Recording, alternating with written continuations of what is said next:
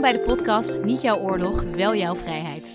Vandaag hebben we hele speciale gasten bij ons aan tafel. We hebben Rosa uit groep 6 Hi. en Lara uit groep 8. Hallo. En ook deze podcast hebben we een hele speciale gast in ons midden, namelijk Anne Appelo. Hallo allemaal. Anne kennen we als presentatrice van onder andere Chica, maar ze heeft ook Kinderen voor Kinderen gepresenteerd en ze heeft ontzettend veel musicals gespeeld. Leuk dat je er bent, Anne. Heel leuk om er te zijn. Met deze gasten bespreken we ook een verhaal uit de Tweede Wereldoorlog, uitgezocht door Bart van der Boom. Het onderwerp wat we vandaag bespreken is empathie. Justin, ik ben toch nog wel een beetje afgeleid. Ik heb zo'n zielige film gezien gisteren. Oh ja? Ja, gewoon een beetje een traantje bij weg zitten pinken. Oh, wat heerlijk. Ik doe dat eigenlijk ook stiekem heel graag. Soms huil ik ook wel tijdens een film. Maar jij bent toch een jongen, die huilen toch nooit tijdens films? Jongens kunnen zich ook heel goed inleven hoor. Ik kan ook echt geraakt worden. Maar stiekem snap ik natuurlijk wel wat je bedoelt hoor, Justin. Waardoor werd jij geraakt in die film? Nou, het was gewoon zo'n heel romantisch liefdesverhaal. Begrijp jij dat? Ja, stiekem dus wel. Maakt mij dat nu de eerste jongen die een meisje begrijpt? Nou, wie weet wel. Anne, ben jij wel eens empathisch? Laatst waren wij voor een programma over de dierenambulance dieren aan het helpen. En we kwamen toen een zak met kittens tegen. Toen had ik echt, ja, mijn dierenhart ging helemaal... eh oeh, ik kon het niet aan, zeg maar. Dus eh, ik denk, wie, wie kan nou zoiets doen? Gewoon kittens langs de weg zetten en denken, joe... Ik was, zo, ik was zeg maar een beetje emotioneel voor die kittens. Dus Ja. ik leefde me heel erg in. Toen dacht ik ook, ja, maar hoe kan ik nou empathisch zijn voor die, voor die, voor die mensen die dat hebben gedaan, zeg maar. Dus dat vond ik dan weer lastig. Maar ik was wel heel emotioneel voor die kittens. heel Dat logisch. is wel zielig. Ja. Heb je eigenlijk ooit wel eens bij Kinderen voor Kinderen gehad dat iemand het super spannend vond en dacht jij toen meteen een beetje, nou dat begrijp ik eigenlijk wel? Ja, eh, goed dat je deze, dit zegt, inderdaad. Want toen ik voor het eerst bij Kinderen voor Kinderen kwam, zag ik natuurlijk het koor. En toen zag ik sommige kinderen ook wel een beetje ja, zenuwachtig zijn of een beetje gestrest zijn voor het optreden wat ze moeten doen. Want het moet allemaal eh, live op televisie en eh, het is best wel spannend, toch? Toen zag ik dat en dacht ik, hé, hey, in plaats van er niks mee te doen, dacht ik, ga eens even naar diegene toe en een beetje op zijn gemak stellen. Dus ik ging een beetje grapjes maken, zodat diegene een beetje ja, zich fijn voelde. En ik zag ook dat, dat ik daarmee een beetje diegene kon helpen, zodat hij wat makkelijker ook op het eh, podium kon staan. Dat is een prachtig gebaar, Anne. Maar wat is eigenlijk de definitie van empathie? Empathie is het vermogen om je in te leven in de gevoelens van iemand anders. Of de manier waarop een ander denkt. We hebben training, kicktraining met de hele klas en dan moet je je wel eens inleven in een ander. Ah, dus je Ja. bent het eigenlijk al een Ja. beetje gewend, Ja. inleven. Lara, kun jij uitleggen wat je inleven in iemand eigenlijk betekent? Nou, dat je bedenkt hoe jij je zou voelen als jij diegene was. Mooi uitgelegd. Hoe kun je nou weten hoe iemand anders denkt? Soms zie je het aan het uiterlijk. Als je bijvoorbeeld je mondhoek helemaal omhoog staat, ben je waarschijnlijk wel blij. Of als je een beetje alleen zit in een hoekje een beetje te huilen, ben je waarschijnlijk verdrietig. Je kan het ook gewoon vragen als je het niet zeker weet. En dan stel diegene is verdrietig, kan je diegene helpen. En wat doe ik nou als ik zeg van, hé, hey, ben je verdrietig? En diegene zegt nee. Dan kan je bijvoorbeeld zeggen, nou het leek een beetje zo, dus sorry. Oh, wat goed dat je dat zegt. Lara, kun jij een voorbeeld noemen wanneer je echt in iemand hebt ingeleefd? Zoals iedereen wel weet, is er bijvoorbeeld oorlog in Oekraïne. En ik kan me wel inleven in de mensen die daar, dat die waarschijnlijk heel bang zijn. En het ook niet leuk vinden dat er oorlog is. Dus ja, dat kan ik me wel voorstellen. Jij noemt een voorbeeld van mensen die heel ver weg wonen. Hoe zou dat nou komen dat je daar toch in kan inleven? Nou, eh, het, eh, mensen die zijn soms anders en soms hetzelfde. En daar maakt afstand niet heel veel verschil in. Want jij denkt dat die mensen in de Oekraïne toch wel iets gemeen hebben met jou. Eh, ja, ze zijn ook gewoon mensen. Kan je een voorbeeld noemen wanneer iemand zich in jou inleefde? Eh, laatst bij turnen voelde ik me niet zo lekker, dus ging ik even zitten. Toen zag iemand dat en toen vroeg ze, gaat het wel? Ik zie dat je niet zo lekker in je vel zit. Heb je wel eens gezegd als iemand aan je vraagt hoe gaat het en jij zegt goed, maar eigenlijk gaat het helemaal niet zo goed? Ja, een keer volgens mij wel. Toen wou ik gewoon alleen zijn en ja, toen zei ik, het gaat wel goed. Toen kwam hij toch nog terug en toen zei ik, mag ik even alleen zijn? En toen was ik even alleen. Heb je wel eens dat je dacht, nou, dat lukt me eigenlijk helemaal niet om me nu zo in te leven in iemand anders? Ja, ehm, nou, ik had dus ruzie met mijn beste vriendin. We waren dus buiten aan het spelen en toen waren we helemaal boos op elkaar. En ik wist hoe zij zich voelde, maar ik wou gewoon eigenlijk ook niet inleven in haar. Dus ik luisterde meer naar mezelf dan haar. En ik denk dat het toch beter was dat ik meer naar haar had geluisterd. Want soms is de ander ook gewoon goed. Want uiteindelijk word je daar vaak toch zelf ook wel beter van, Ja. hè? Als je een beetje Ja. inleeft in de ander. Ja. Maar dat kan soms best wel moeilijk zijn, hè? Als je dan zo in je eigen emotie zit, toch? Ja. Ja. We waren alle twee boos, dus het ging een beetje tegen elkaar. Maar uiteindelijk bedoelden we een beetje hetzelfde. Kijk. Logisch. En jij, Lara? Poetin dus ook, ja, een beetje zelf voor, hetzelfde voorbeeld. Eh, ik begrijp niet helemaal waarom die dan zo graag die, laatste, eh, die stukjes van Oekraïne, waarom die dan oorlog heeft verklaard. En dan zie je hem niet meer helemaal als hetzelfde als jij. In je normen en waarden bijvoorbeeld. Ja. Ik denk dat we hele mooie voorbeelden hebben van empathie, maar we hebben er ook in uit de Tweede Wereldoorlog. In dit fragment voorgelezen door Bart van der Boom. Een docent van de Universiteit van Leiden. In mei 1942 moesten alle Joden de Jodenster dragen. En veel Joden keken er erg tegenop om voor het eerst met dat opvallende ding naar buiten te gaan. De 15-jarige Esther van Friesland, een meisje uit Gorkum, moest elke dag met de trein naar Rotterdam om daar naar school te gaan, want zij mocht alleen nog maar naar een school voor Joodse kinderen. En het leek haar vreselijk om met die ster op in de trein te stappen. Ze schreef in haar dagboek: Als alle mensen zo naar je kijken. Afschuwelijk. Maar het pakte heel anders uit dan ze had gedacht. Toen ze voor het eerst met de ster had gereisd met de trein, toen schreef ze in haar dagboek. Zo leuk gisteren met die ster. De mensen lieten je overal voorgaan en stonden voor je op. Dat merkte ook de Joodse mevrouw de Miranda. Mevrouw de Miranda die moest veel reizen voor haar werk. En ook zij merkte dat als zij met de ster op in de trein zat, mensen haar juist probeerden gerust te stellen. Ze zeiden dat het een eer was om de ster te dragen en dat het snel weer voorbij zou gaan en dat ze het zich niet aan moest trekken en ze boden haar een plaats aan. Ze schreef dat ze met de trein naar Baren ging en daar uitstapte op weg naar Soest, waar ze een afspraak had. En dat onderweg naar Soest allemaal mensen die ze helemaal niet kenden hun hoed voor haar afnamen, of naar haar zwaaiden, of haar bemoedigende dingen vertelden. Toen ze weer terug moest, toen nam ze de bus. En bij de bushalte kwam een jongen van een jaar of veertien naast haar staan. En die begon met haar te praten. En in de bus ging hij naast haar zitten en hij praatte verder. Over school, over huiswerk, over vriendjes, honderd uit. En ineens zei hij tegen mevrouw, die Miranda, ik vind het fijn dat ik naast u mag zitten, mevrouw, want weet u, ik ben op het lyceum en onze klas heeft besloten, zodra wij een persoon zien met een ster die helemaal alleen is, dan gaan wij erheen en houden wij die hem of haar gezelschap, zodat zo iemand zich niet zo alleen zal voelen.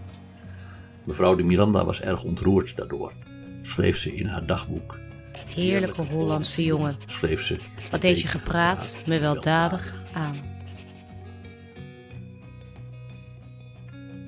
Wat een mooi verhaal. Is het echt gebeurd? Ja, super heftig. Kinderen moesten toen naar een aparte school. Hoe zou jij je dan gevoeld hebben? Ja, dat lijkt me niet leuk, want een school dat gaat ook je een beetje je toekomst bepalen, wat je leert, wat je dan kan doen in de toekomst. En als je dan geen keuze hebt wat je wil leren, dan heb je niet meer zoveel keuze later als je bijvoorbeeld een baan moet gaan zoeken. Dus dat zo. voelt oneerlijk voor jou. Ja. Ja. Roze, zou jij het moeilijk vinden om zo'n ster te moeten dragen en dat alle mensen dan naar je kijken omdat je anders bent? Ja, iedereen kijkt je er dan ook een beetje aan van ze doen wel aardig tegen je, maar het is gewoon beetje raar. Lara, waarom zouden mensen voor haar eh, zijn opgestaan en waarom zouden ze er hebben willen laten voorgaan? Uit medelijden of omdat eh, ze zich kunnen voorstellen hoe je het dan hebt als je een Jood bent. Dat het dan heel moeilijk is, ja, met de Duitsers en zo.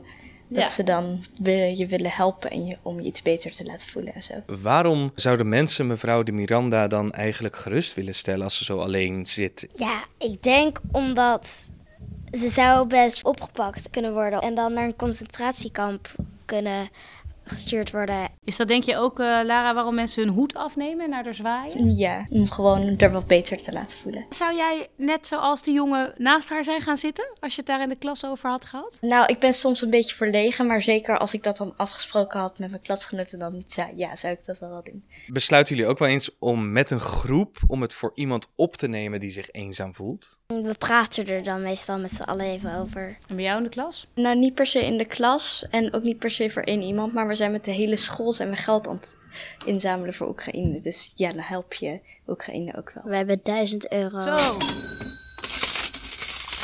Anne, vind jij het wel eens eh, moeilijk om je in iemand in te leven en waarom? Ja, vind ik wel. Heel eerlijk gezegd. Het liefst eh, ben ik natuurlijk heel lief en wil ik natuurlijk voor iedereen wel eh, aardig zijn. Maar af en toe denk ik ook van, hoe kan je dit nou doen? En weet je, soms is het ook oké als je er gewoon anders over denkt. Dan denk je, nou, jij denkt er zo over en ik zo. En dan zijn we nog steeds even goede vrienden. Ben je wel eens het gesprek met iemand aangegaan om diegene beter te begrijpen? Ik heb wel eens uh, dat ik uh, totaal niet eens was met uh, hoe iemand erover dacht. En dan zeg ik, nou, misschien moeten we er maar gewoon eens over praten.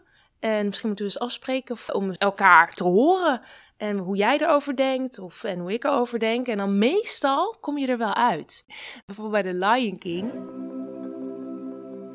was er een dingetje op het werk. Het is best wel een oud gebouw, Circus Theater. En er waren heel veel mensen met heel veel uh, last van hun stem. En uh, nou ja, goed, er waren heel veel zieken. En toen waren ze bij het team, het productieteam, zeiden ze... nee, we moeten gewoon doorgaan, doorgaan, doorgaan. En ik begreep het gewoon niet. Ik denk, ja, maar jongens, je moet ook luisteren naar ons, weet je wel. En toen zei ik van, misschien moeten we een keer afspreken... om eens een keer hierover te praten. En dat hebben we gedaan. En heel eerlijk, er kwam een heel goed gesprek uit. En gingen we elkaar eigenlijk een beetje helpen. Oké, als jij nou een beetje dit doet, dan doe ik uh, een beetje dat. Dan zorgen wij dat jullie het iets relaxter hebben.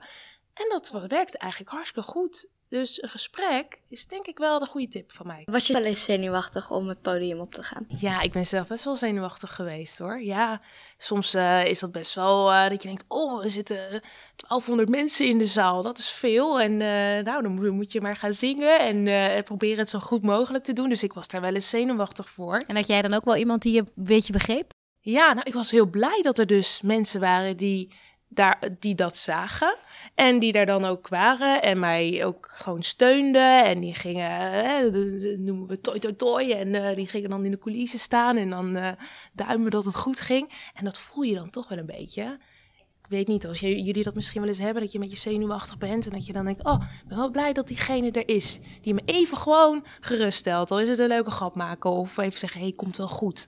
Toch? Voel je een beetje sterker. Ja. ja. ja. Ik heb ook ooit meegedaan met het toneelstuk. En ja, ik vind het soms dan ook een beetje spannend, maar ja. En, en wat, wat doe je dan op zo'n moment? Nou, dan ga ik even met iemand vragen, vind jij het ook spannend? En soms de ene wel, de andere niet. En dan uiteindelijk zeggen ze, het komt wel goed, ja. En hoe voelt het dan? Als, als je voelt van, hé, hey, iemand anders denkt er ook zo over? Dan of? denk je, nou, het komt zo goed. Ik ben niet de enige. Ja, dus het, eigenlijk het idee dat je niet alleen bent. Ja. ja. Als je zelf nou verdrietig bent en eigenlijk empathie nodig hebt, wat doe je dan? Ik heb mezelf wat meer geleerd zelfs om dat gewoon te zeggen. Dat je denkt van, nou, ik praat er maar niet over. Of uh, hè, het gaat vanzelf wel weg.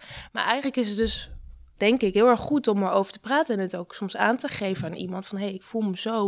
Of ik voel me echt verdrietig. Meestal wordt het dan wat minder omdat je het al met iemand bespreekt, zeg maar.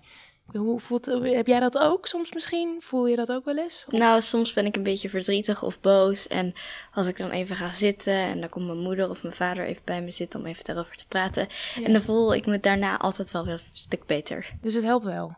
Maar Anne, je hebt dus ook vroeger wel eens gezegd als iemand aan je vraagt van hoe gaat het, dat je zegt gewoon goed. Ik denk ook dat het soms een beetje geleerd is om er niet over te praten of zo. Over je gevoel of dat het misschien niet stoer is om erover te praten. Ook een beetje, een beetje bang voor dat je een beetje onbegrepen wordt. Als actrice moet je toch goed kunnen inleven in die personages. Zijn we daar niet een beetje nieuwsgierig naar, toch? Hoe ze dat dan ja, doet? Ja, hoe weet je eigenlijk hoe die persoon eigenlijk echt is? Ja, goede vraag, goede vraag. Nou ja, um, op school hebben we, heb ik eigenlijk vaak geleerd om eerst heel veel te weten te komen over die persoon die je gaat spelen, bijvoorbeeld.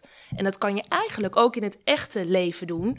Dus zie je bijvoorbeeld iemand die jij uh, misschien verdrietig ziet uh, staan ergens in een hoekje. Dan denk je, hey, wie is dat eigenlijk? En wat gaat er in hem om? En waar houdt hij van? Of wat vindt hij leuk? Dus je gaat je eigenlijk die ander heel goed leren kennen, zodat je denkt, hé, hey, ik weet wat diegene leuk vindt, zo dan kan ik dat ook, kan ik dat ook spelen. Of dan kan ik me daar ook over nadenken en denken: hé, hey, oh, hij voelt zich vast zo. Of misschien vindt hij dit leuk om hem op te fleuren. Want als je inleeft in een ander, dan moet je het onderscheid kunnen maken tussen jezelf en die ander. Ik kan iets denken en voelen, maar het is veel interessanter als ik kan kijken hoe denkt en voelt de ander dat dan. Tips en tops van Lara en Rosa. Praat met elkaar over gevoelens. Vraag andere mensen naar hun mening en geef ze ook de ruimte om iets anders te denken dan jij. Leg uit hoe het komt dat je je zo voelt. Dan leer je ook begrijpen hoe iemand anders zich anders kan voelen.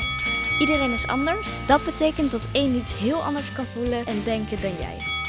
Speel toneelstukjes. Want bij toneel kun je een rol spelen en je verplaatsen in de ander. En zo leer je een ander goed begrijpen. Inderdaad, je inleven in de ander. Dus probeer te begrijpen waarom iemand zich misschien zo voelt. Of waarom iemand zich zo, zo denkt. En elkaar helpen. Dus eigenlijk altijd proberen er iets beters van te maken. Ik denk dat dat een goede tip is, zodat je iemand toch kan helpen op het moment dat hij dat nodig heeft. Nou ja, en ik denk eigenlijk dat je altijd ja, mag proberen om, om toch een beetje de situatie voor iemand toch iets beter proberen te maken. En soms lukt dat niet, hè?